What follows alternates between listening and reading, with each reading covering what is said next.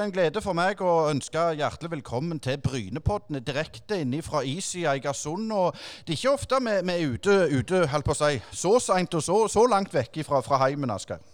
Ja, Iallfall ikke du, Øystein. Nei, jeg, jeg, får, jeg, er litt strengt oppdrogen, så jeg får ikke reise så langt. Men etter, etter jeg ble 40, så, så går Eigersund helt greit. Det høres bra ut. Så vi må jo uke inn Jan Petter her, som sitter borti eh, Litauen. Eh, Jan Petter Rasmussen, hjertelig velkommen til Brynepoddene. Ja, takk for det. Takk for det. Eh, du er jo sånn motsatt av disse her, eh, holdt jeg på å si, russiske og saudiarabiske oligarkene. Altså, du har gjort en eh, fremragende politisk karriere, og så går du inn som en velgjører i, i Egersund-fotballen eh, bl.a. Eh, kan du si litt hva det var som, som trigga deg å være med og prøve å dra Eik eh, litt opp og fram? Ja, det er jo eh, naturlig for meg som har vært Eikmann eh, siden vi spilte fotball som eh, smågutter. Hele tida Eik vært laget for meg, og jeg er oppvokst i en heim der vi egentlig la middagene i forhold til startpunktet på fotballkampene over helg. Så det var helt naturlig for meg, og når jeg har fått mulighet til det senere, så jeg ønsker å være med og delta og bidra til at vi kan nå det målet som jeg inderlig håper vi når nå i år, med et opprykk. Men du var jo eh, aktiv både på fotball og, og i friidretten. Eh, kan du si litt om det Eik-laget på 70-tallet? Altså, var det helst lokale folk og, og, og eventuelt sivilarbeidere fra Bakkebø? Eh, og, hvordan var miljøet på den tida? Jeg tror ikke vi hadde plass til noen sivilarbeidere fra Bakkebø på laget. Altså. Men, men, men den ene sesongen vi spilte i den gamle annendivisjonen, det var jo faktisk det nest høyeste nivå. Og da eh, da gjorde vi det jo eh, veldig godt. Enda, jeg husker vi vant de fire siste kampene og slo, slo 2-0 i siste kampen på idrettsmarkedet. Og da i den tida kjørte de òg Bare i Rogalands Avis så kjørte de her, eh, de her uh, ukens lag osv. Da hadde vi seks mann på ukens lag, husker jeg den gangen. Så, så, men ellers var det jo mye en divisjon unna det vi i dag vi spilte i, men vi, vi var òg på det siktet der. Men eh, litt sånn eh, opp gjennom året, altså. Du har jo eh, fulgt med selvfølgelig, og det har vært opp- og nedturer. og hva tror du som gjør, altså Eik har jo produsert en rekke gode spillere som har vært på, på U-landslag. Noen har vært i A-landslagstropper her og der. og Hva er det som gjør at Eik og Egersund har vært en slags premissleverandør i norsk fotball, gitt at A-laget aldri har vært helt, helt i topp? Nei, Jeg tenkte selv på det en dag. her. Du kan fortelle opp i 68 stykker så jeg kommet høyt opp i, i de andre. I, vi begynte på Bryne med Reidar Omdal, vi Jan Kjell, vi Kjell Iversen osv. Uh, Bjørdal og, og ta den ene etter den andre. Og, og uh, jeg tror at det faktisk alt den måten Eik drives på uh, fra den yngre avdelingen, det er det som bærer frukter. Og så er en òg faktisk vært villig til å la spillerne gå når det nivået er nådd, og da det var aktuelt å gå. Men jeg håper nå at vi har så gode stammer et lag nå at vi skal få spillere som òg ønsker å fortsette på et høyere nivå òg for Eik. Hvis vi går litt inn på, på din politiske karriere, så, så er fremragende. Men Når merka du at du var mer enn gjennomsnitt interessert i, i samfunnet og, og, og, og, ting rundt deg? Nei, det starta jo egentlig Jeg har alltid visst hva side jeg har vært politisk på, men det starta jo egentlig med at jeg fikk spørsmål om å stå på lista på, på, eh, et, et uh, valg, kommunevalg. Og sto på lista, og så ble jeg vel trett inn i formannskapet. Og så ble jeg jo gruppeleder, senere varaordfører og ordfører. Så, så, det kom egentlig uten jeg hadde planlagt det. Så, så, så, så grep det meg, og jeg fikk posisjoner med i gang. Og derfor ble jeg sentral i politikken ganske fort. Men dette engasjementet, er det noe du arva fra, fra foreldrene dine, besteforeldre, eller hva, har du reflektert over det? Ja, jeg alltid eh, Far min var jo, og mor min var jo fagorganiserte, som jeg vet jo hvor sidene sto på. Og, og, og, Derfor var det naturlig for meg at eh, Selvfølgelig reflekterer du jo selv over politikken, men det har alltid vært naturlig for meg å være på den sida. Men en viss arv var inne i bildet, det er helt klart. Men sida, sier du. Er, er det rette sida du er på? ja, det skjer meg. Altså, jeg Nå spør du vanskelig. Eh, det er ikke vanskelig, egentlig. Jeg er jo på den rette sida politisk, men du er ikke alltid uenig i, i de som skal forvalte politikken du, du, egentlig mener et parti skal gjøre. Det er ikke alltid du er i det de gjør, og spesielt når i senere tid var en del ting stiller spørsmålstegn ved. Men det har jo, det har jo skjedd en, en forrykende utvikling i, i, Norge siden eh, du sprang rundt eh, og spilte for Eik og, og, og drev med friidrett.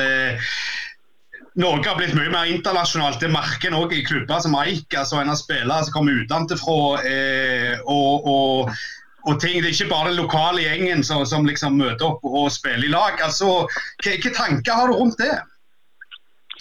Nei, altså Hvis vi ønsker å være med på denne dansen, så nødt, da må vi gjøre sånn som vi har gjort andre plasser i mange år. Da, hvis du vil stoppe på et visst nivå, da kan du kjøre bare på lokale spillere. Men vil vi videre, så må vi gjøre eh, eh, endring på det, det vi har gjort de siste årene. Og det jeg har og de spillere jeg har møtt på lag i år før jeg reiser tilbake til Litauen, det virker som en veldig sammensveist gjeng. Og det håper jeg skal gjøre utslag i, i at vi når Obos eh, neste år. Jeg tror det er helt nødvendig, og jeg er fullt enig med den linja som er kjørt. Og, og hele tida er jeg jo i tett dialog med, med både trener og, og, og eh, og daglig leder Kenneth oppi de her tingene. Så jeg føler meg veldig samkjørt på akkurat det her. Men, men, som tidligere ordfører i Egersund, og, og, det er jo en annen eh, eks-stortingspolitiker, Gunnar Kvassheim, som også er veldig interessert og aktiv æresmedlem i klubben. Men altså, hva vil det bety for, for en by som Egersund å, å, få et lag som er oppe der eh, blant kremen i norsk toppfotball? Nei, Det vil bety mye. for er, I utgangspunktet er det en veldig, veldig Eh, eh, interesse i Egersund.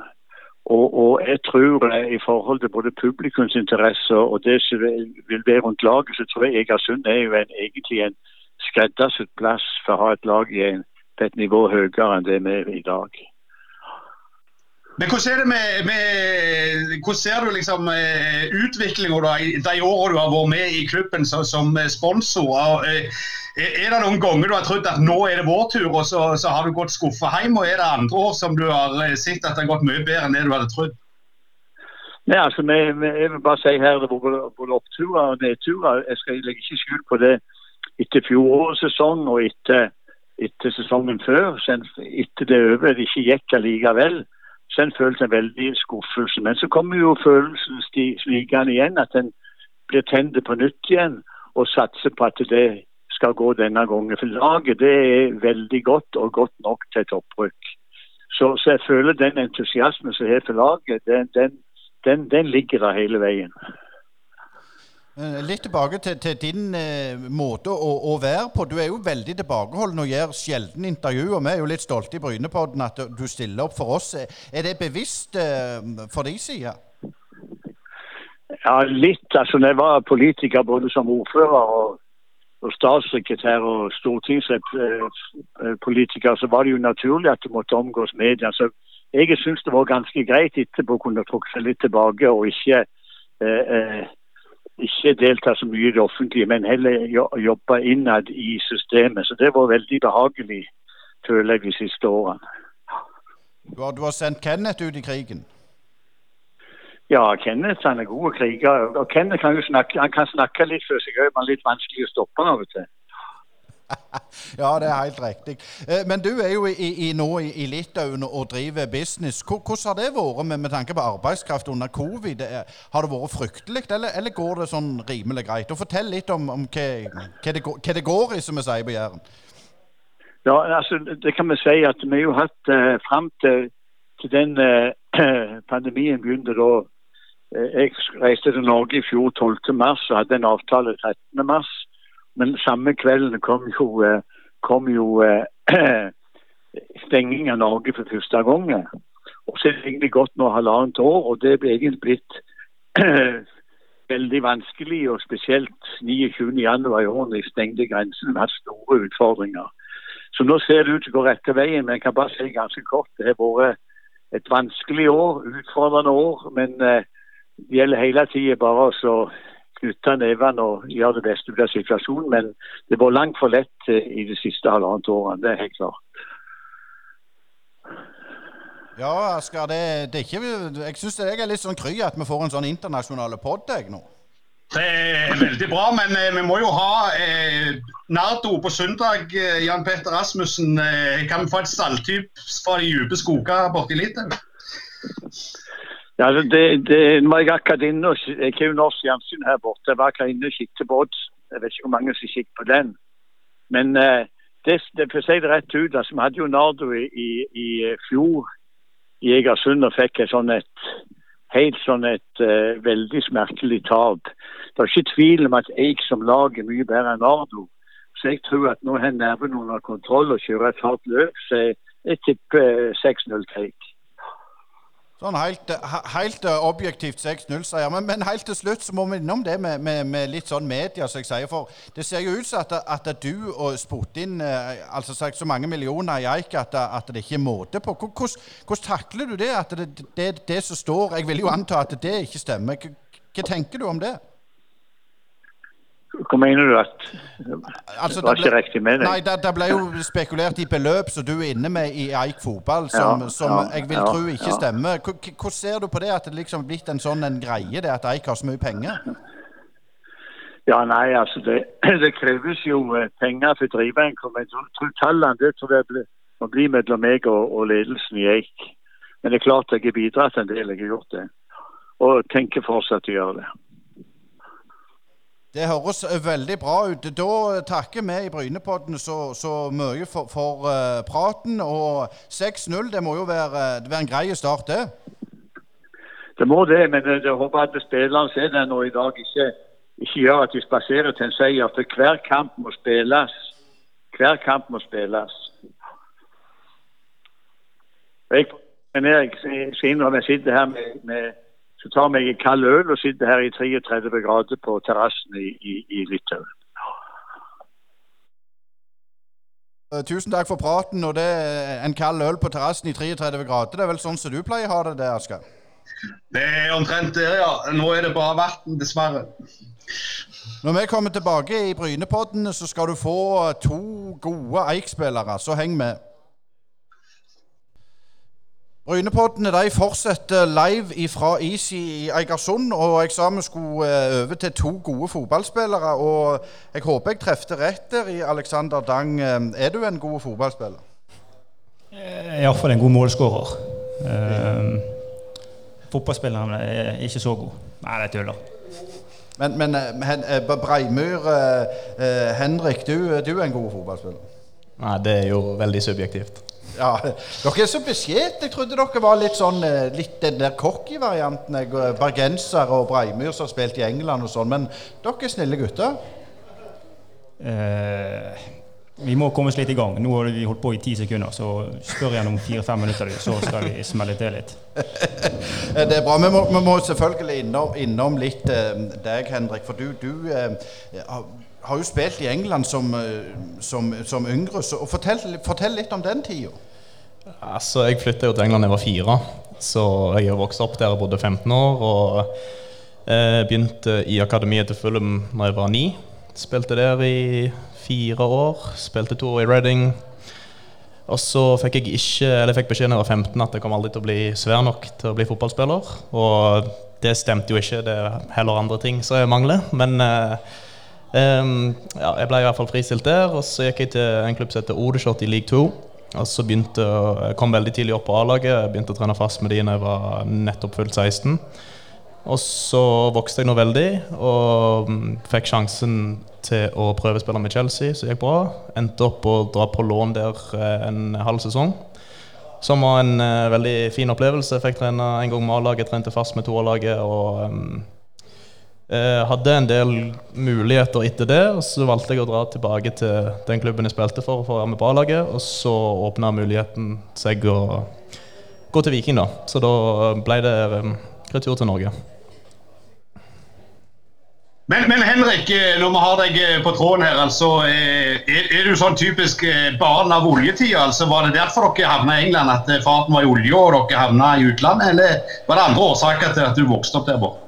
Eh, nei, det var ikke olje, men det var noe flytende. Han jobba i Pepsi når vi først eh, flytta over. og Så um, gikk han videre fra det til en ølselskap, og så endte han opp i Coca-Cola. Så det var hovedsakelig derfor. Um, vi flytta der. Og jeg fikk vite i ettertid at det sto mellom London og jeg tror det var Ungarn, så jeg er egentlig ganske glad for at det ble London, for jeg har fått en ganske sånn tålelig bra engelsk aksent. Og jeg føler at det slår litt bedre til med damene enn sånn ungarsk-engelsk. Ja, eller ungarsk generelt, som er et av de vanskeligere språkene. Men, men, kan du si litt om, om når du kom hjem igjen, altså, hva var forskjellen på norsk fotball og engelsk fotball? Nei, det er det mange. Altså, jeg tror jeg har fått mer kjeft i løpet av en uke i England enn det jeg har fått i mine ni år i England. Altså, jeg har noen ord som har blitt kalt som ikke passer seg eh, på en podkast. Men eh, altså, i England er det jo veldig mye at eh, gjør du en feil, så er det din feil. Og det får du klar beskjed av trenere og lagkamerater. Og, så en annen ting er at eh, jeg har opplevd mer slåsskamper i en uke på trening i en league 2-klubb i jeg har opplevd i ni år der. Eh, Folk slåss i dusjen, folk slåss når vi spiser lunsj, folk slåss på trening hver dag. Det, det er noen galne karer, men uh, ja, du lærer, du lærer iallfall å takle press. Jeg spilte på kontrakt fra jeg var ni år gammel, og da er det sånn at da må du prestere for å få ny kontrakt. Så du lærer deg tidlig at det er din jobb å være god. Du, du kan liksom ikke skylde på noen andre, for da får du ikke ny kontrakt. Alexander, eh, dette høres jo ut som en litt sånn hard kveld på Strileland. Men altså, din bakgrunn er jo fra Hordaland. og og du har en sånn internasjonal bakgrunn. altså Din far var jo fra, fra Vietnam. Eh, hvordan preger det deg i oppveksten? Altså? Nei, Det preget meg vel ikke sånn veldig mye. Men selvfølgelig skal jeg begynne å snakke om min eh, fotballhverdag. Så han ved siden av meg snakker om Chelsea og det ene og det andre. Så blir jo det litt i skyggen. Men eh, nei, jeg har spilt fotball siden jeg var liten, stort sett i Bergen. Og ja, det er vel egentlig det. Men det var jo mye Når du har vært i Bergen og kommet til Rogalandsfotballen, er det sånn som du ser det nå, er det store forskjeller? Nei, eh, det er vel stort sett veldig likt. Eh, det som gjerne er, var veldig stor forskjell for meg når jeg først eh, flyttet fra Bergen, var jo størrelsen på stedene du holdt på å si var. Jeg flyttet jo til Grimstad. Var der i ja, halvannet år. Det er vel på størrelse med Egersund. Eh, så det er, jo, det er veldig mye mindre og kompakt, men, eh, men selve fotball er den samme om du spiller i øst, vest eller sør. Eh, vi hadde jo eh, Paco som er G19-landslagstrener i sist pod. Eh, og Da var han veldig opptatt av det å ta steg for steg for steg i norsk eh, fotball. Og det har jo Vittal og du gjort. Altså, du, du, du har jo tatt fra, fra mindre klubber eh, Hovding, Vadmyra, Lysekloster, Sotra, Ness, Sotra osv. Har det vært bevisste valg hele veien, eller er det bare sånn som har skjedd? Eh, bevisst har det vært i de senere år, men altså Jeg var jo veldig god da jeg var yngre. Og så nærmet jeg meg vel en ja, 18-19-20. Og da var det gjerne litt grann, eh, Det var ikke fotball som var det aller viktigste på den tiden. Uh, og så etter hvert så begynte man å se at fotball var noe. Og da begynte man å gå disse her gradene, da. Og det ble mål, holdt jeg på å si, stort sett hele tiden. Men, men, Henrik, over til deg igjen. Altså, du har jo hatt en sånn eh, relativt stor eh, vi kaller det sånn litt sånn nomadetilværelse i, i fotballen. Hvordan Er det det? Er det tilfeldigheter som har gjort det, eller er det våre bevisste valg fra de sida? Uh, både og. Uh, har endt opp med å signere for mange klubber der treneren har fått sparken en måned etter de signerte meg. Jeg vet ikke om det er noen sammenheng der, men det er det helt sikkert. Jeg tror de første, både Viking, Bryne og Start, alle trenerne fikk sparken inn en måned, så da blir det jo ofte sånn at Kommer ny trener inn, så jeg gikk for å spille fast i start til å ikke spille et eneste sekund året etterpå. Og da må de jo flytte på deg. Og så har jeg ikke tatt uh, veldig mange gode valg, egentlig. Og uh, da blir det til at uh, det blir mye reising, og du kommer til desember og du vet ikke hvor du skal spille, og så må du ofte ta et valg på et par dager, for folk setter frister, det er mange spillere, og da er det ikke alltid så gjennomtenkt. Så det, jeg har tatt flere ikke så altfor gode valg, og da har det blitt litt sånn. Men Alexander, du kom jo inn i, i AIK-systemet i fjoråret, et meget spesielt år. Eh, hvordan, hvordan, var det som spiller det der korona og, og, og, på en måte ble vant med et nytt miljø og sånn midt i kaoset som var rundt der? Nei, Det er jo selvfølgelig alltid spesielt å komme til, eh, til nye lag, og spesielt eh, eh, sommervindu, der du gjerne ja, trener en uke eller to, så er det rett i kamp. Eh, så det er alltid spesielt. Men eh, jeg fant meg til rette tidlig her. Det var fine folk i garderoben, fine folk rundt, fine trenere. Så, så, det gikk veldig fint. Eh, men selvfølgelig, det var spesielt å spille fotball eh, i 2020. litt til deg, Henrik. Du, du nå nevnte du har tatt dårlige valg. Eh, eh, altså, det er jo dine valg, selvfølgelig. Men jeg vet at du har en, en familie og en far som er veldig ivrige. Har han vært med å påvirke eh, jeg holdt på å si valgene dine? Både, både, de gode og de dårlige, vel å merke. Eh, nei, det er bare meg som har valgt sjøl. Nei, det er, det er, bare meg som har valgt. Og um, ja, det, nei, det har 100 vært mine egne valg. Og da har jeg tatt noen som hadde gjort annerledes, men uh, sånn er det. Jeg er fornøyd med der jeg er i dag. Jeg stortrives her. Og uh, jeg, før jeg kom til Eik, så syntes jeg egentlig ikke fotball var noe gøy i sånn fire år cirka før det. Så det Jeg bare hadde et veldig jag da jeg var yngre for å prøve å nå så langt som mulig. Og det gikk egentlig på bekostning av at jeg ikke syntes fotball var noe kjekt. Og det var først når jeg ga slipp på den, at jeg begynte å synes fotball var kjekt igjen, og det var i fjor. Og gjerne da du begynte å spille enda litt bedre òg? Nei, det merkelige er at jeg egentlig klarte å spille ganske jevnt uh, hele karrieren, selv om jeg ikke har syntes at det har vært noe gøy. Men jeg tror nok at i fjor var en av mine bedre sesonger. Det kan jeg gå med på. Men, Henrik, altså du eh, fjoråret var jo veldig spesielt, og, og, du var jo med. Og, og det var jo noen sånne treningskamper eh, tidlig før alt stoppet opp. Eh, dere fikk en litt eh, treig start i fjor. Hva, hva, tror du var årsaken til det? Nei, Treig start. Vi starta jo helt elendig, det kan vi jo bare si. Men um, Det er jo ikke alltid lett å si, men uh, vi, vi, slapp jo inn altfor mye mål. Vi gjorde veldig enkle feil. Og det, det som skjedde da når vi begynte å, vi gikk vel 10-11 kamper uten å tape, da gikk vi fra å slippe inn enkle mål og gjøre sånn juniorfeil til å nesten ikke gjøre feil. Noe som gjorde at uh, folk skapte ikke sjanser på oss. Og da, når vi har såpass off mange offensive spillere som vi har, og som middels fotballspillere med gode målskårere som Dang, som skårer hver kamp, så vinner vi. Og Det, det var liksom hovedforskjellen. At vi gikk for et lag som gjorde dumme, dårlige feil, til å slippe veldig lite til. Og Det er, det er jo nøkkelen hvis du rykker opp. Du ser på Bryne i fjor og, og, i år. De slipper jo ikke til noe som helst. og da, da blir det jo ofte til at du vinner kamper og tar poeng.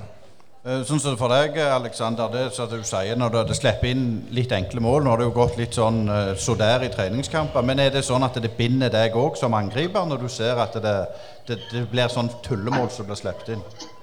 Eh, nei, det gjør vel ikke det i den grad. Men eh, for våre del er det veldig viktig å være trygg bakover. For vi vet at vi alltid vil skåre mye mål. Og så lenge vi holdt på å si, slipper inn om ikke null, så iallfall ett mål, så, så, vil vi vinne egentlig alle kamper vi møter opp i. Uh, så jeg har fått veldig troen på det som skal skje i år. Nå var ikke jeg i starten i fjor, så det er vanskelig for meg å si hva, hva som skjedde, eller hvordan det var, og disse tingene her. Men uh, jeg har veldig troen. og du nevnte at ikke, ja, treningskampen har vært litt sånn som så, men eh, jeg tenker at denne oppkjøringen egentlig har vært helt perfekt. Der du får et par eh, ja, slag, holdt jeg på å si, der man må være på topp hele tiden, og så må vi få vist eh, hvor gode vi kan være når vi spiller mot lag som Sandnes Ulf og Viking. Så denne oppkjøringen har vært helt perfekt. Henrik, du nevnte jo den der flotte seiersrekka som kom i fjor. altså hva er det som skjer da i troppen? Eh, kan du dele litt det med fansen? her? At eh, Plutselig så er dere én, to, tre seire, så bare tar det av utover høsten der. altså hva er det som skjer når dere på en måte alt henger sammen innad, og, og dere har de der bølgene dere bare flyter på? Kan du fortelle litt om det?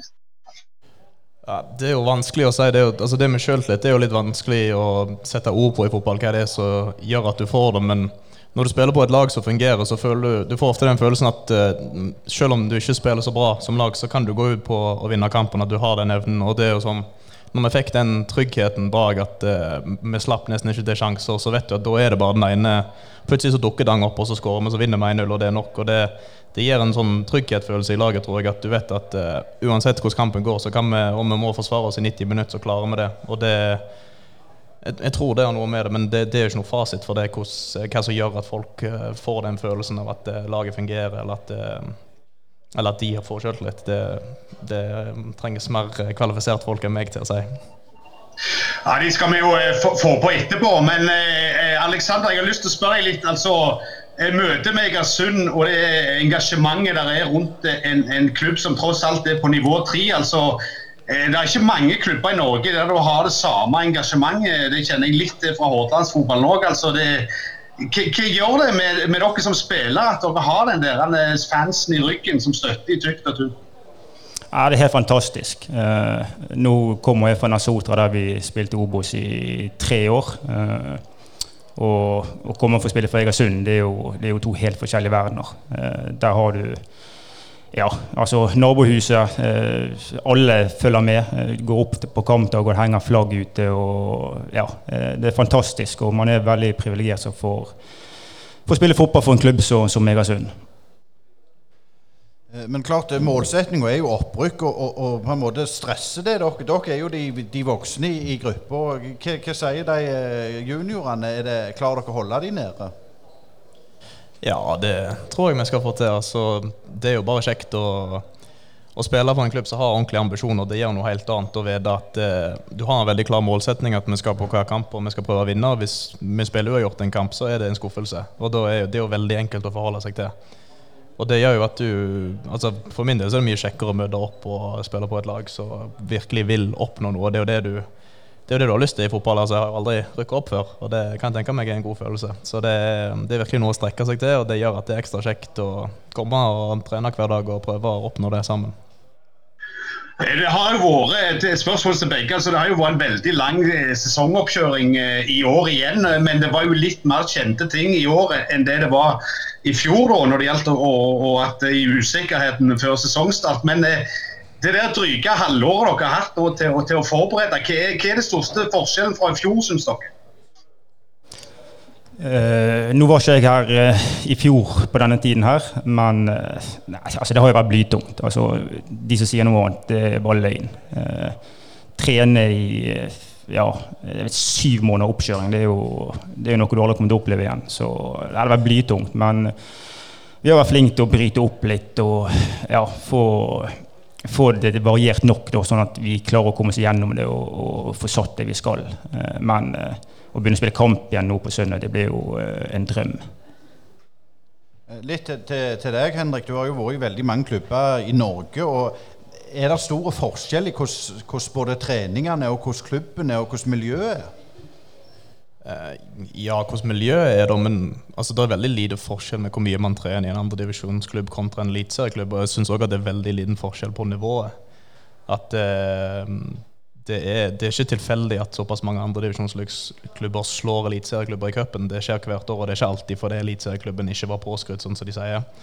Så er, den forskjellen er veldig liten. Det jevner å, å få mer stabile prestasjoner. Sant? du, alltid, eller du oftere er oppe på det nivået. Når det gjelder kultur, så er det veldig annerledes. Når jeg har vært eh, oppe i nord i Tromsø og i Ulsteinvik, og det, det, er annerledes fra klubb til klubb. Og så er det jo gode og negative ting med med alle av de da, og det mm, så har jeg òg vært i Start, som er jo litt av en kaosklubb, egentlig.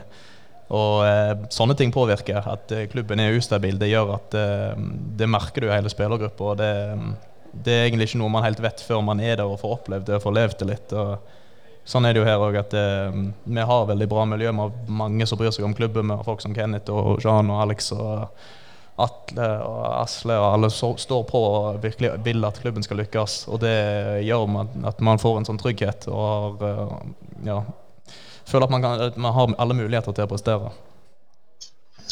Eh, litt om, om pulja dere havna i år, Aleksander. Altså, eh, I hvilken grad er dere klar over de andre lagene og hva de står for? Eller er det Venter dere til den kampen er klar, og nå er det hovedsakelig Nardo dere har i hodet? Eller har dere liksom blikk over hvem som er de mulige utfordrerne gjennom sesongen? og sånn?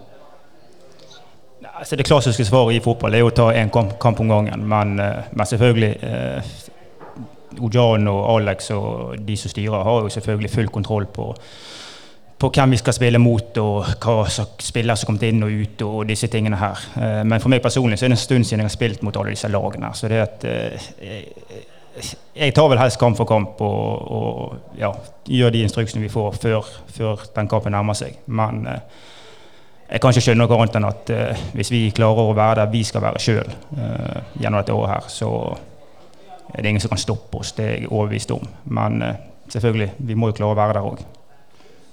Jeg tenker litt på det til, til deg, Breimyr. Jeg, hvis vi skal være litt negative, det virker som at Eik slår de gode lagene år etter år etter år etter år. Etter år. Og så snubler en mot eh, Levanger, og nå er det første kamp mot Nardo. Er det sånn et bananskall? Ja, altså Hver gang du taper, så er det jo null poeng, så det er jo egentlig ikke noe forskjell hvem man taper for. Men eh, sånn som den kampen i fjor mot de, det, det var jo litt tragisk. Vi, vi sleit veldig lenge med å skåre. Endelig skårte vi. De hadde så vidt vært over midten hele kampen, og så slipper vi de til, og så skårer de på to langskudd.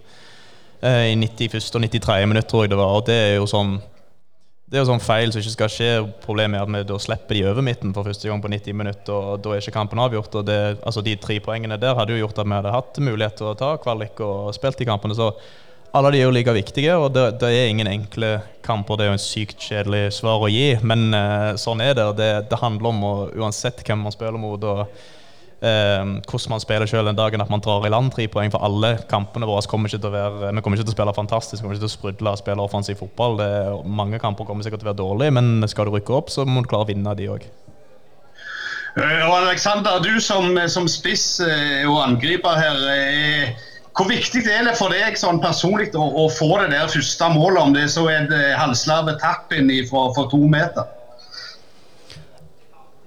Nei, altså Det er alltid viktig å skåre og, og, disse tingene her. Men uh, altså, for min del så er ikke det alt for meg om jeg skårer uh, i serierunde én eller i serierunde tre eller fire. Det viktigste er at vi får en god start og, og vi vinner som lag. Så får jeg skåre de målene som jeg skal skåre når det skjer. Jeg har aldri stresset over å, å skåre mål. jeg vet jeg alltid kommer til sjanser. og og disse tingene her, så, så, Det er egentlig aldri noe som har plaget meg. Om jeg går x antall kamper uten å, å skåre, eh, så har det ingenting å si så lenge vi vinner. Så det, det går helt fint. Bare sånn, Hva målsetning har du, Aleksander? Alexander? Hvor mange mål skal du ha? Eh, planen er å skåre 25 mål. 25 mål, det høres greit ut det, Henrik? Ja, det høres fint ut. det. Jeg likte at han, eh, han kunne tillate å vente til tredje eller fjerde runde, men tydeligvis ikke noe mer enn det. Nei, det er bra. Nei, men Da uh, sier vi tusen takk for uh, dere stilte opp, uh, Henrik og Aleksander. Nå tar vi en liten pause, så er Brynepoddene snart tilbake igjen. Ja, Brynepoddene de fortsetter på Eigersund sin Det er vel sin beste uteplass, Easy. Og Asker det er nå vi skal høre hva, hva de høye herrer har å si i klubben.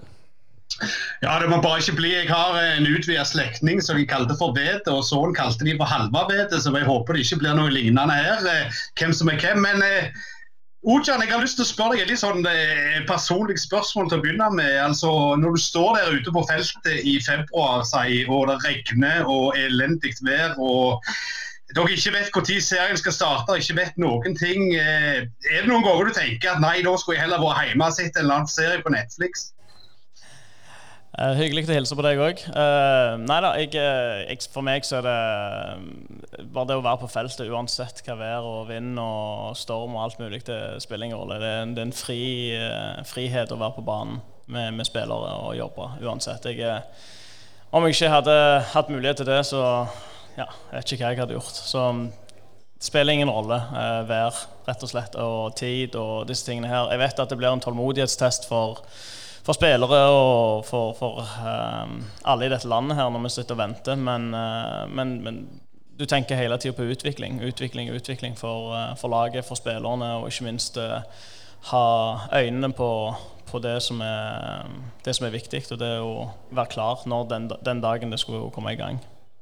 Men for, men for, deg som trener, altså, hva lærte du av fjoråret kontra i år? Altså, hva tok du med deg fra den usikkerheten i fjor som du justerte på og, og endra på inn mot denne sesongen her? Man lærer jo noe hver sesong og for hver kamp. Eh, så, så, så, det er mange ting. Eh, vi hadde jo nettopp Henrik eh, Breimer som satt her oppe og ydmykt forklart at vi vi gjorde justeringer um, i forhold til å slippe, slippe, til mindre sjanser og mindre mål. Han er jo en av de grunnene. Uh, når han tok over kapteinspinnet, så, uh, så klarte han å, å kontrollere mye av det som skjedde i garderoben. Han klarte å ta mye styring. Han uh, ga oss et, et, veldig stort løft i forhold til organiseringen og, og den vinnerskallen som, som, uh, som, vi fikk i de siste 12-13-14 kampene som han uh, var med der. Uh, så, så, han har mye av æren, han òg, som alle andre spillere, selvfølgelig. Men, men justeringer er jo, er jo deretter med, med, det. Så læringen fra fjor Vi lærte litt om hva spillere vi kan stole på, hva ting vi ser etter i forhold til å bygge laget videre.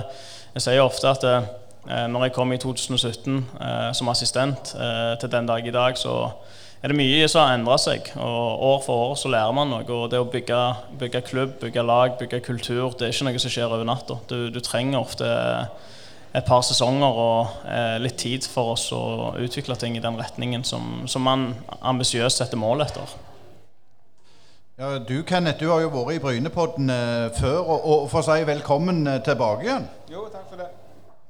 Um, nå er det ikke så mange dagene til serien starter. Sist vi snakket, så gleda du deg noe voldsomt. og jeg, Det ser jo ut som at du er akkurat som du er fire år og venter på, på julepakken. Det, takk for at jeg ser så ung ut. uh, men ja, nei, det, det, er fantastisk. Vi har gått og venta nå siden november i fjor. og Endelig er vi i gang, og endelig skal vi spille fotball, og endelig skal vi begynne å telle poeng. Eh, men, men, hvor klar er du? Jeg er, jeg er så klar som et hamster i et hjul. Men, men, det med tanke på Er det sånn nå rett før har vi kontroll, har gjort alt, er vi klar, er klare med dette?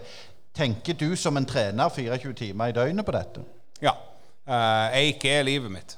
Så jeg, jeg tenker på eik når jeg legger meg, jeg tenker på eik når jeg våkner. Jeg tenker på eik gjennom hele dagen, og jeg drømmer om eik. Men eh, altså, du drømmer om Eik. Eh, der må vel ha vært et par-tre mareritt òg underveis? Ja, det skal det være. Eh, og det er jo derfor vi er der vi er. Eh, hvis det bare var happy dreams, så hadde vi jo minst vært i Eliteserien nå. Men litt tilbake til deg, Ojan. Eh, jeg ringte deg noen dager før her, og da spurte jeg om du var oppvokst i Stavanger. Så sa du veldig fort nei, jeg er oppvokst i, i Iran og flytta til Stavanger da jeg var tre år. Men eh, Fortell litt om det. det føler du deg som en Stavanger-gutt? Ja. ja. det er ikke noe tvil om det. Jeg, eh, jeg kom til Norge da jeg var tre år og har stort sett bodd der hele livet utenom når jeg studerte. Så um, det, det, det, det er det jeg kjenner, og det er det jeg kan. Det var litt sånn innledende neste spørsmål, for det har du hørt liksom at, at Eik har ikke lokale spillere. For det at eh, bestefaren er oppvokst på Helvig og ikke på Øyna. Liksom, er, er, det litt sånn for, for deg òg? At det, det, blir en sånn fordummende debatt? Ja, altså Det, det kommer an på hvem som diskuterer hvem som diskuterer dette her, og hvem som, uh, hvem som løfter opp disse poengene her. Men, men for meg, så det, det, å være i Rogaland uh, og det å ha spillere fra Rogaland, det, må nesten være lokalt. For hvis du går til Oslo og ser på KFUM, så har de spillere fra Moss og Strøm, nei fra Moss og Halden og, og Fredrikstad og overalt. Og de de blir uh, betegna som lokale. Mens uh, hvis vi henter folk fra, fra Stavanger og Sandnes og, og Jæren, så, så, er det ikke lokalt nok. Um, så det er jo litt sånn Egersund-ting, kanskje. Jeg vet ikke. Men det kan gjerne Kenneth svare bedre på. Men for meg så, så har vi to tredjedeler av troppen vår per dags dato er fra Rogaland. Og en tredjedel er fra utenfra. Og skal vi ha ambisjoner på det nivået vi har, så, så må vi ha gode spillere.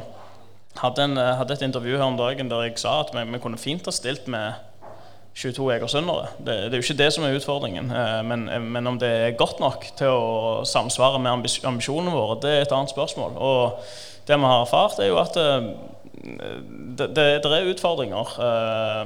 Med tanke på at folk har jo liv og unger og familie her i byen, og, og spillerne strekker ikke til, mange av dem. Og sånn er det bare. Så men, men Odjan, jeg har lyst til å spørre litt altså overgangen. Du har vært der i Egersund eh, som assistent i, 2017, og så tok du ut uh, over som hovedtrener. altså uh, Møtet ditt med Egersundsfotballen og den entusiasmen der er rundt klubben lokalt, uh, som er veldig forskjellig fra mange andre klubber i, i, i fylket. altså Hvordan var det for deg å oppleve det der? Nå spilte jo jeg eh, lokalfotball sjøl for eh, alt fra Madla og Havørn og disse lagene. Så jeg, eh, det ene siste møtet jeg hadde med Egersund sjøl som spiller, var vel jeg husker ikke hva år, 2007-2008, et eller annet sånt. Og da spilte vi mot eh, mot Egersund, og da skårte vel Valon fire mål mot oss. Jeg, jeg, visste godt hva det gikk i når jeg skulle ta corner, så følte jeg at uh, folk kjefta på meg fra, fra sidelinja. Jeg visste ikke hva det gikk i. Så det var liksom den erfaringen jeg hadde før jeg kom her. Men samtidig, hvert sånn i, mer i det voksne livet, så ser du at eh, folk betaler tusen, titusenvis av kroner for å reise til England for å se kamper med, med stemning og, og trøkk, og så kan du egentlig bare ta toget for 90 kroner og komme ned her og kose deg. så jeg syns, eh, jeg syns det er helt fantastisk. Eh, oppmerksomheten med folk som sitter og ser på treningene våre. Og det er kjekt Det er kjekt å ha oppmerksomhet rundt, rundt det du holder på med. For Jeg forstår at slik som til deg, Kenneth, at det er et bevisst valg om å velge Ojan, som med all mulig respekt ikke har en, en glimrende spillerkarriere og et kjempestort navn. For der har du vært veldig tydelig på at dette er bevisst. Ja, det har vært veldig bevisst fra dag én fra første møte jeg hadde med Ocean. I 2017 uh, eh, så har vi funnet veldig god kjemi. Vi jobber veldig godt sammen. Vi sammenfaller veldig på de målene og de tingene som er lyst opp for, for klubben. Uh, og i fjor, når det, når det storma litt og vi tapte en del av de første kampene, og lokalavisen begynte å rope på navn og rope på hodet, så for, for meg er det ikke vært et tema engang. For, for jeg vet hvor dedikert Oshan er. Eh, og han er like dedikert som, som det vi andre som, eh, som lever under feik. Kan vi ta en liten parallell til, til han eh, Vegard i, i Mjøndalen? Ja, det syns jeg absolutt vi kan. Det, og jeg har hatt trenere som til og med har vært i Fregersund, som har hatt mindre engasjement for, for Eik enn det Oshan har. Men, men, Kenneth, jeg har lyst til å utfordre deg litt der, for det vil alltid være litt konflikt mellom eh, ledelse og, og, fans der. Hva som er riktig og hva som er galt. Altså Den diskusjonen der er fra de sider, hvordan, ser du på den der moringa i gangene eller moringa på torget eh, rundt klubben? og sånn? Er det bare positivt, eller er det noe som du, litt, eh, du får litt håret til å reise seg i nakken? Morre det. Jeg spør sånn generelt, altså hvis folk, Du nevnte at folk vil eh, skifte trener osv. Altså, du som, som, sitter i sportslig ledelse, hvordan takler du det der? For du hører jo hva som foregår i en liten by som Egersund. Ja, ja, og, og det er veldig mange som snakker som i alle andre byer. Uh, alle er hjertelig velkommen på Husabø. Alle er hjertelig velkommen på treninger. Uh, alle er hjertelig velkommen til en diskusjon. Uh, den som sitter på utsida og verken ser treninger, kamper eller uh, annet enn å lese i Dalane Tidende, det er for så vidt irrelevant for oss. Eh, men akkurat det du nevner der, nå bor jo jeg på Bryne, og der er det jo òg altså sånn. Og, og, og, det er jo bare sånn. Det er jo noen som klager uansett. Altså, ja, det er noen som ikke er fornøyd uansett hva du gjør. Og, og selvfølgelig, der er noen som lager en historie på at Eik er masse penger, Eik er masse millioner. Eh, det, det, er skandale at du ikke rykker opp. Uh, jeg nevnte det sist gang jeg var hos dere i podkasten. Jeg gjorde faktisk den beste plasseringen i historien i fjor, og allikevel så var det en skandale. Så, men, men, samtidig så kommer det gjerne mange ganger fra folk som verken er på kamp, verken er på trening, eh, knapt nok vet at hvor plass vi ligger på. Men eh, de har hørt at naboen sier at dette var ikke bra. Og, da, og det er sånn Ok, vi, vi, tar alle seriøst. Jeg tror alle supportere som følger Eik, føler at vi er et veldig åpent miljø. De kan komme og diskutere alt. og Vi tar alle diskusjoner.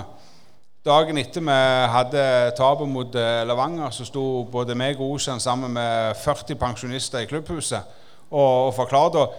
Og jeg tror med hånda på hjertet, jeg tror ikke det var noen som var mer lei seg for det enn meg og Ocean.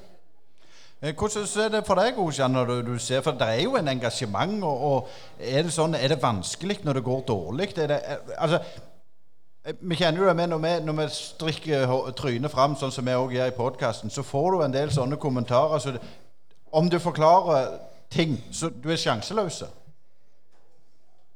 Ja, altså jeg, jeg, er jo ikke dum i hodet. Jeg vet jo godt hva det går i. Vi er i en uh, bransje som, uh, som, krever prestasjon, altså det er basert på prestasjoner. Um, du må levere, og du, til og med når du leverer, så er du uh, offer for kritikk. Og det, sånn er det bare. Og det, altså, hvis jeg, hvis jeg, ikke ville bli kritisert, hvis jeg ikke, hvis jeg hatt, ikke hadde tykke hud, så hadde jeg ikke vært i den bransjen her. Så, så for meg så jeg, jeg, leser masse. Jeg leste etter Brynekampen med, med det ene og det andre kommentarer om valg og, og sånne ting som det. Men jeg, jeg er trygg på, på det, det, vi jobber med. Eh, de, de valgene vi tar, det samarbeidet jeg har med, med Kenneth og, og, klubben. Og eh, Hvis ikke jeg klarer å stå for de tingene som, som vi tar beslutninger rundt, så, så, har jeg ingenting her å gjøre. Så jeg, for meg så det preller av meg. Samtidig så, ja det, det, tøffeste er faktisk å gå hjem og være sur og så ikke klare å vise den kjærligheten til familien min eh, de første døgnet, rett og slett. Så det, det er det vanskeligste med, å, med, de tøffe tidene. Men kritikk, eh, det får bare komme. Det, det gjør meg ingenting.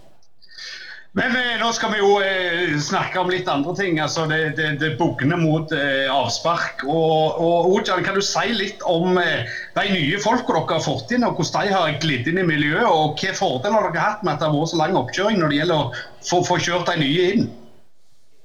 Nei, lang oppkjøring vil du si mer treninger, og mer trening vil si òg at folk blir bedre kjent med hverandre både utfor og på banen. Så, eh, men, men, vi har eh, eh som vi har henta, er veldig, veldig eh, Hva er dette for noe? Vi, altså, vi har håndplukka de, eh, for å si det sånn. Eh, fra Sivert Strangstad til, til Patrick Johannessen til, til Matej Dekovic. altså det, det, er gutter som, som er vet kommer til å passe veldig godt inn i vårt system, inn i vår spillestil, inn i vårt uh, opplegg.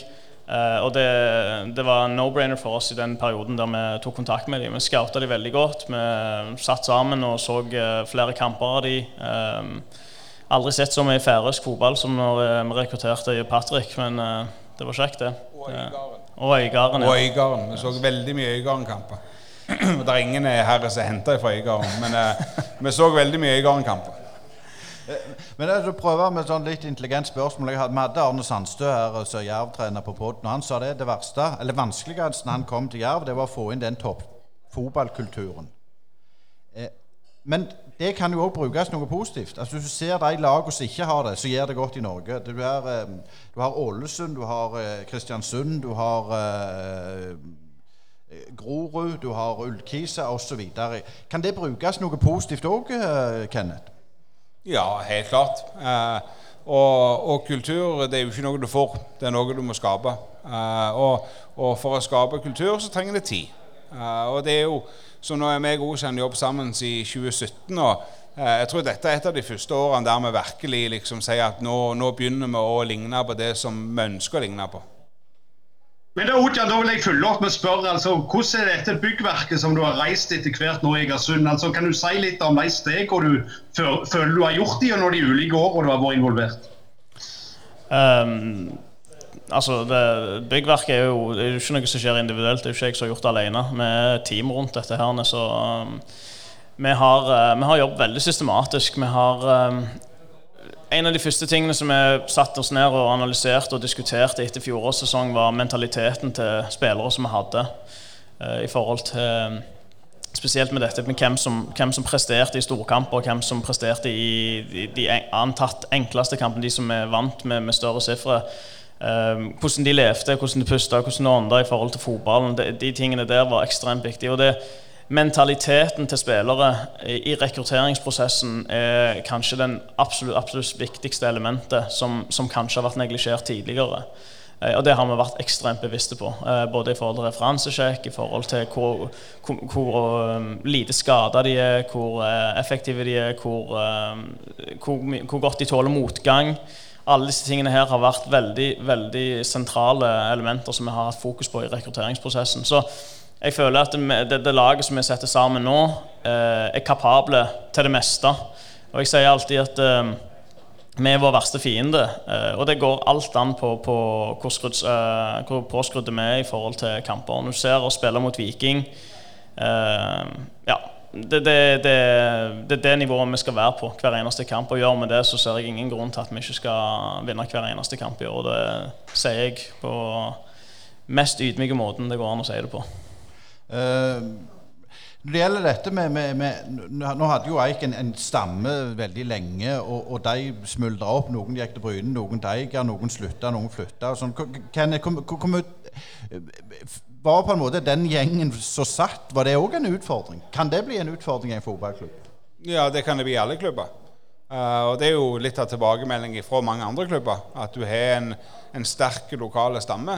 Uh, det har ikke vært noe sånn sett bevisst valg for oss. Men, men, det er klart at nå har jo jeg vært med i 15 år, og, og tida går. Uh, så, så, nå jeg syns faktisk det var litt fascinerende. Jeg, så, jeg satt og så på innkallingslista til Eiksen FFO, og der søkte de inn Eskil Gjerde.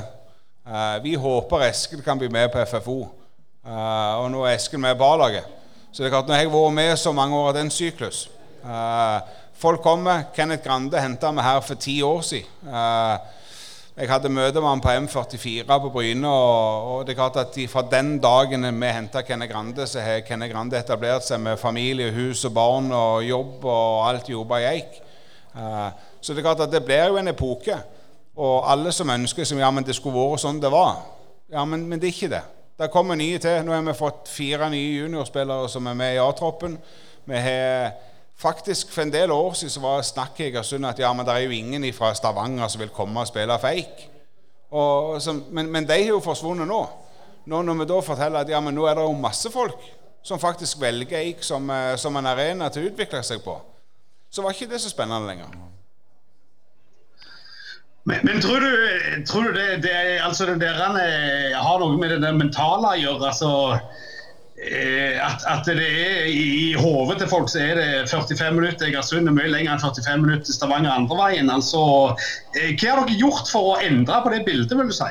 Nei, Vi spiller jo veldig god fotball. Uh, vi har en spillestil som gjør at uh, folk føler de kan utvikle seg. Vi er en uh, klubb som ønsker å satse. vi har et bra trenerteam, vi har et bra opplegg. og vi er en klubb som, som veldig mange i Norge ser på. Uh, både i forhold til spillere. Det er jo bare å se på Herman i fjor, uh, som kom fra Sandnes og egentlig var gitt opp. Kommer til Eik, blir omskolert til høyre back, har en fantastisk sesong og nå spiller i Obos. Uh, det er klart at det er jo med på å inspirere andre spillere fra Rogaland og i Norge. Samtidig er det viktig for oss å kunne være et så godt alternativ at vi, vi ønsker jo ikke å miste den typen spillere. Vi ønsker jo selv å utvikle oss såpass at vi kommer til Obos og skal være et alternativ videre. Men med all mulig respekt for Eigersund by, det er jo ikke så stort, men det er jo fostra noen fantastiske fotballspillere. Altså Bare nevne Kai Ove Stokkeland, Bengt Sæternes, Kjell Iversen. eh, Berisha ja, og, fe og Fellesnevneren for disse er jo ikke nødvendigvis at det er Eik som har gjort de gode. Men dette er våre spillere med den rette mentaliteten, med den rette tida, med den rette ånden, som har stått på og fått Vi er jo mer enn en servitør enn det med han som lager. Valon og Veton ble aldri et produkt av Eik. Valon og Veton ble et produkt av Valon og Veton, med god hjelp fra Eik. Men Ojan, jeg, jeg, jeg, har lyst til å gripe litt fatt i det som Kenneth nevner her. Eh, med det der, og sånn som Herman som var oppgitt og, og nå blomstrer i, i Opos. Og, og, Henrik eh, nevnte òg at han eh, var lei og fikk lysten tilbake. Altså, du som trener, når du tar disse folka inn, og hvordan jobber du med dem for å få den der gnisten og lysten tilbake til folk som føler at de er litt over the hill?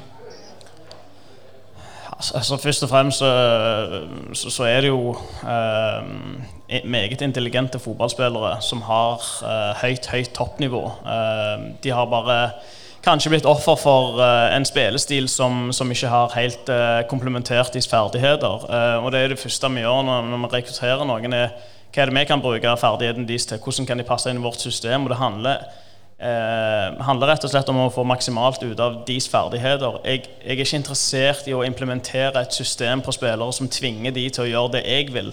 Det er spillerne som spiller der ute, det er de som har eh, opplevelsen ute på banen. Det er deres intelligens som skal rå ute på banen. Så for meg så handler det om å bygge rammer eh, sammen med, med trenerteamet, vel å merke, til, så, sånn at vi kan få best mulig utbytte av eh, potensialet deres. Og når du ser en sånn som Herman Kleppa i fjor Vi hadde Jørgen Olsen for et par år siden som kom fra Sandnes og uh, sa at uh, fotball var depressivt. Og så plutselig så er han i Eliteserien i Ranheim. Uh, Kevin Jablinski, Chris Leveland Vi har sendt masse spillere opp de siste årene. og alle har funnet fotballglede her. og For, for meg så handler det veldig om, om, å, om å, finne, finne, plass, altså finne, en plass til dem som, som, gjør at vi får det beste ut av ferdigheten deres. Da, da er det snakking.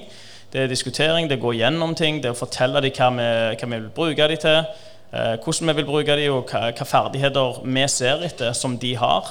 Sånn at de eh, er gjort kjent med dette. her. Sammen med, med, med Dang når vi signerte han. Eh, så, så, så jeg, altså, Man visste jo hva man signerte. Ja, han var ikke i god form når han kom her. Han kom rett fra en skade og fra en, fra en periode der han kanskje ikke eh, trivdes best mulig fotball eh, fotballmessig. Men så kom han her, fikk den, pre, fikk den eh, halve sesongen. Og som jeg sa til Kenneth, bare gi en preseason til han, så skal du få se. Og det tror jeg eh, vi kan, eh, kan stole på at det, det, kommer til å bli bra i år. Det er ikke noe tvil om. Så enkelt og greit til syvende og siste handler om, om å se mennesket, se ferdigheten deres, se talentet deres, og så spille, spille ball med dem. Eh, inkludere dem. Jeg, jeg, jeg, jeg, sitter ikke på fasit i det hele tatt når vi er på feltet. Jeg hadde en uh, situasjon for ikke så lenge siden der vi, vi jobba på presspillet. Så kom Stian Michaelsen og ja, men når jeg presser sånn og sånn, så føler jeg sånn og sånn. Så, ok, men Da prøver vi det du sier, og så går vi gjennom det, og så lærer vi sammen. Det, det, er teamarbeid. Hvis jeg skal sitte på hele vedet og fortelle dem hva de skal gjøre til enhver tid, så, så, så kommer vi ingen vei. Vi er 11, stykker på banen, 25 stykker i teamet. 40 stykker i klubben øh, og ja, 600 til i fansen. Så vi trenger alt, all hjelp vi kan få, og vi må jobbe sammen for å få dette til. Eh, litt til deg, Kenneth. Eh, når du har sett på snorlista til Eik sine motstandere, hvem tror du blir tøffest? Nei Ifølge Fram Larvik så er det vel gjerne Fram Larvik som er tøffest. Uh, ifølge Vard så, så, er det gjerne Vard som er tøffest, for trener, vi trener klokka tre, og de trener klokka fire. Det er visstnok en veldig fordel. Uh, men uh, jeg, jeg syns jo Arendal ser solid ut. Er, og, og, og, det som er på dette nivået, her, her er det ingen dårlig motstander. Det er folk som trener fire-fem ganger i uka. Det er godt organiserte lag. og vi kan gjerne si at vi er Spiller, med, spiller for spiller har vi gjerne mer kvalitet, men eh, til syvende og sist er det motstand ute på banen som, eh, som gjør og vi, vi, bryr oss egentlig veldig lite. Jeg ser Vårt Haugesund har jo et ekstremt fokus på alle andre. Jeg leste intervju i dag i Haugesunds Avis der han Fosen igjen for femte gangen var rundt og fortalte om disse klubbene med gull og grønne skoger og trener på dagtid og, og alt sånt noe. Veldig fokus på absolutt alle andre. Uh, vi har sagt at vi har egentlig bare fokus på oss sjøl. For oss gjelder det om å slå Nordo, slå Notodden, slå Sotra, så Øygarden, og så får vi fortsette sånn. Eh, Ojan, jeg har lyst, litt lyst til å spørre deg altså, som trener og relativt ung og ambisiøs. Eh, eh, hvem, er det du ser opp til, og hvor henter du liksom, Suger du til deg ny lærdom og sånn? Altså, du er jo sammen med Alex eh, i teamet, men, men hvor, hvor, går dere for å finne mer kunnskap og utvikle dere sånn rent i det daglige? Jeg tror når du, når du, har vært så fotballinteressert i så mange år, så plukker du noen ting på veien, selvfølgelig. Men når treneryrket ble for alvor uh, et tema for meg, så, så det selvfølgelig som, som, alle andre ting som du har lidenskap for, du, du bruker tid på det. Du, uh, gjør masse selvstudie. Du leter etter dokument, do, dokumenter, uh, videoer, leser masse artikler, prøver å plukke opp ting her og der, og prøver å få ting Se hvordan du kan bruke det andre klubber gjør, eh, med, med, din egen twist for å få det ut på, på, feltet for dine spillere på det nivået du er på. Så, så det, det, handler egentlig som alt annet. Hvis du, hvis du er en snekker og du eh, eh skal drive med det yrket der, så, så selvfølgelig hvis det er mer du leser deg opp på teknikken og slår, hvordan du skal slå hammeren og det ene og det andre fra forskjellige folk, og erfaring blant folk, og så har jeg jo kursa meg og alt det, så da blir du bedre eh, i alt som du holder på med. Kenneth, jeg har lyst til å spørre litt, deg om det samme. Du har jo vært i den rollen i, en mannsalder snart. Altså, hva, hva, gjør du for å fornye deg og oppdatere deg og, og utvikle deg? Nei, jeg trengte det greit sånn som det. Nei da. Uh, dette er jo uh, Så sier vi lærer, vi lærer hele veien. Uh, vi søker inspirasjon. Uh, meg òg, Osen, jeg jeg tror ikke jeg overdriver hvis vi snakker 30 timer i uka. Uh, diskuterer både spillere, taktikk, eh, hvordan ting skal gjøre, med veldig tett samarbeid. Eh, og så er det litt med at eh, vi utvikler oss jo hele veien. Det, vi har aldri sagt at vi sitter med en fasit. Eh, vi er entusiaster som, eh, som, driver en klubb, eh, med alle de feilene vi gjør. skulle jeg oppsummert både plusser og minuser fra 15 år i, i klubben, så er det sikkert flere minus enn det der er plusser. Men eh, hvis du ikke tør å prøve noe, så lykker du heller, heller ikke. Men hvor, hvor, viktig er det for deg å ha en sånn som Jan Petter i ryggen? Nå tenker jeg ikke på det økonomiske, men jeg tenker på han som person og, og lederegenskaper. Nei, jeg, har masse fantastiske mennesker i ryggen. Uh, ikke bare Jan Petter, men uh, styret, Ocean, uh, supportere. Vi har, som Ocean sa tidligere, vi har 6, 7, 8, 9, 10 stykk som sitter og ser hver eneste trening. Uh, Jan Petter er en bidragsyter som uh, på lik linje med alle andre. Uh, Men, eh, men det er veldig mange som er med og bidrar. Og, det er sånn. Eh, og, og sånn at folk vil komme og gå. Eh, og det er sånn sett eh, så ikke Jan Petter. Eh, Jan Petter ble lagt et veldig ansvar på dette av folk ut forbi Egersund. uh, som blir eh, egentlig helt feil. Både Jan Petter er en fantastisk eh, mann som eh, har en engasjement for Egersund som, eh, som jeg skulle ønske at veldig, veldig mange flere hadde.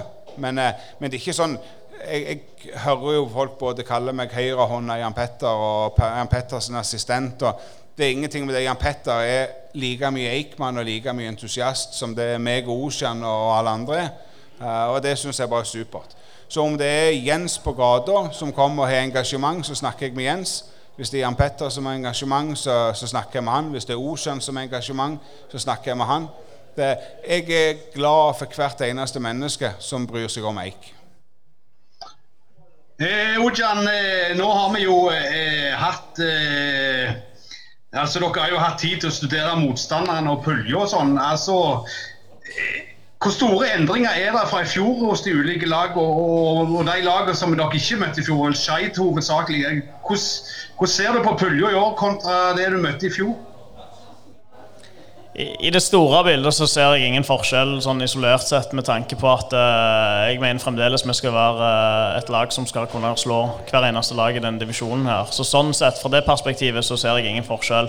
Fra et annet perspektiv så vet jeg at eh, denne, denne, akkurat vår avdeling i hvert fall har fått tilført mange dyktige trenere. Du har uh, Fram Larvik, så du fått Håkon Lunov. I, i Øygarden så du fått Tommy Knarvik. så Eh, det, er ikke, det er ikke noe tvil om at det har kommet inn en del nye trenere inn i disse lagene som vi skal møte. Så, så sånn sett så, så vet vi jo litt sånn hva de står for, og hvilken type fotball de spiller. og litt sånne ting som det. Så, så det vil jo bare krydre avdelingen vår mer og mer. Men, men det, det jeg, jeg har aldri gått inn i en fotballkamp og tenkt at jeg frykter motstander. Hvis jeg, hvis jeg skulle drive med fotball ut av frykt og legge oss bakpå og ha en defensiv plan og eh, jobbe kun ut ifra å eh, spille på andre, andre, altså motstanderens feil, eh, så ville jeg heller latt være å være involvert i fotballen. Så enkelt er det. Ja, Kenneth, hva, hva tror vi hvis vi skal spå noe? Jeg vet jo ikke liker det, men eh, det er jo litt, litt gøy å spørre likevel. Nei, dette er veldig enkelt. Hvis, det, hvis denne gjengen her har fokus og mentaliteten som, eh, som vi hadde med Viking, så rykker vi opp. Ojan. Vi skal vinne hver kamp. Det er eneste fokuset mitt. Og det er første kampen vi skal fokusere på, den Ardo. Så én kamp om gangen, men uh, som sagt, frykt for ingen, og vi kjører på med vårt. Ja, bare liksom Parallellen til Sandnesult nå, for Alandro fikk jo inn ganske mange nye, han og han sa det. Ingen unnskyldning med nye folk. Eh, vi skal rett opp. De har jo trøbla litt i, i åpninga, og han har jo et grassat press på seg. Eh, du òg har den samme mentaliteten. Ingen unnskyldning, vi kjører på. Selvfølgelig. Igjen, som jeg sier, Hvis jeg skulle hatt en defensiv mentalitet, så er fotball feil bransje. Enkelt og greit. Det er ikke vits å Da kunne jeg gjort noe annet. Da kunne gå tilbake til bankjobben min. Det er null risiko, bare gi ut lån. Så det, det er all sikkerhet for alle lån du gir ut. Så det hadde jeg heller fokusert på det. Så jeg, jeg, eh, skal drive Det er en del av grunnen til at du er involvert i fotball. Det er adrenalinet, det, det, det, den lysten til å på en måte by på deg sjøl og vise og mestre og, og føle deg litt sånn bra. rett og. Mestringsfølelsen. Det er, jo, det, det er jo derfor du er i fotball. Du, jeg får ikke like samme mestringsfølelse hvis jeg bare skal gjøre ting ut av frykt. Det, det er liksom ikke kjekt. Og, og, og det der med at det er mye nye inn. Det spiller ingen rolle. Bryne rykket opp i fjor med seks nye. Så, så plutselig er det kjempefokus rundt forbi på at her er, hvor mange nye har dere. Spiller ingen rolle. Det som spiller en rolle, det er hvordan de nye fungerer sammen. Og, og i forhold til det òg, jeg, jeg, jeg nevnte det for forleden dag òg, at det, det er ekstremt mye fokus inn på, på gjennomtrekk av spillere i, i Eik. Men hvis du går til, til Vard, Haugesund, Øygarden, Arendal, Skeid eh, Ingen som snakker om at de har over 10-12-13-14 spillere nye inn og ut eh, fra i fjor til i år. Men all fokus er på oss. Det, det er fair enough, det. Hvis det er det de har lyst til å ha fokus på, så be my guest. Vi, vi, har, vi, vi gjør det vi gjør. Eh, Men Ojan, som trener, altså det dere antagelig skal spille full serie i år, altså to, to ganger mot, mot alle lag, i motsetning i fjor da det ble amputert. eh, Er det en fordel for dere, tror du, at dere har liksom den litt lengre distansen å gå? eh, Når en tenker på den der gode flytsonen dere hadde i fjor, hvis dere hadde fløt like godt med, med full serie, så hadde dere antagelig vært oppe. I, I dialogen med NFF og divisjonsforeningen i, i forkant av eh, serieoppsettet, så var vi en stor forkjemper for å få full serie. Eh, Jeg vet at det er syv midtukekamper, og det vil eh, øke belastningen og sånne ting som det, men jeg mener at eh, fotball er en, eh, en statistisk sak sånn sett. eh, Og vi skal over flere kamper være uh, rusta til å være bedre enn eh, våre motstandere. Så det er flere kamper, det bedre er det for oss. eh, sånn sett. Og, men til syvende og sist handler det rett, litt, litt om å respektere eh, muligheten til å spille fotball òg. Det var mange klubber som var ute og skrek om å få halv sesong og spare penger. og det ene andre. Jeg syns det var et hån mot de som ikke fikk spille fotball. Her har vi muligheten til å spille full serie, og så er det mange som skriker etter en halv serie. Det, det er for meg eh, bakvendt. Eh, Helt til slutt til, til begge to. eh, Masse masse lykke til, og vi skal holde dialogen eh, gjennom sesongen. Og um, er Skadesituasjonen og sånn, Ojan, eh, ser det greit ut? Ja da, vi har eh, Jeffy som er på vei tilbake. Vi har Scott Vatne som er eh, rett rundt hjørnet. Og så har vi en Stian Sleveland som er ute en, en lengre stund. Um, utover det så er alle ganske friske og raske. Klare til fight. Og det, i år blir det tre kamper i uka. Vi trenger alle. Absolutt alle. Da må vi over til deg, Kenneth. Jeg holdt på å si Er du skadefri? Ja, det er de plassene som jeg kan bli normale, så er jeg normale. Det de plassene kan være normale, er normale. Jeg tror det må være god eh, avslutning, det, mm, Asker. Utrolig kjekt å få lov å være på is i, Eigersund og spille inn en, en livepodkast med Eik sitt kickoff. Er du ikke enig, Asker? Det har vært eh, usedvanlig interessant og lærerikt. Og det er jo bare å ønske masse lykke til. Vi er nødt til å ha Eik òg med der, og det vil gjøre Rogalandsfotballen mye bedre hvis vi har to-tre lag i Obos i tillegg til de i øverste divisjon. Og meg og deg liker jo å ta en utro når vi har vært, uh, hatt podkast. Vi må jo bare anbefale alle å følge oss på sosiale medier. Og neste podd torsdag, det eh, blir en, en spesiell eh, sak der vi har hovedfokus vel litt på EM og litt på analyse, skal vi si det sånn? Det har vi, og det ser vi fram til det òg. Og vi skal jo selvfølgelig høre Mike og følge med dem. Og gjerne ringe og ha dem med framover utover sesongen. Det var det vi hadde i Brynepoddene for denne gang, og tusen takk for dere hørte på.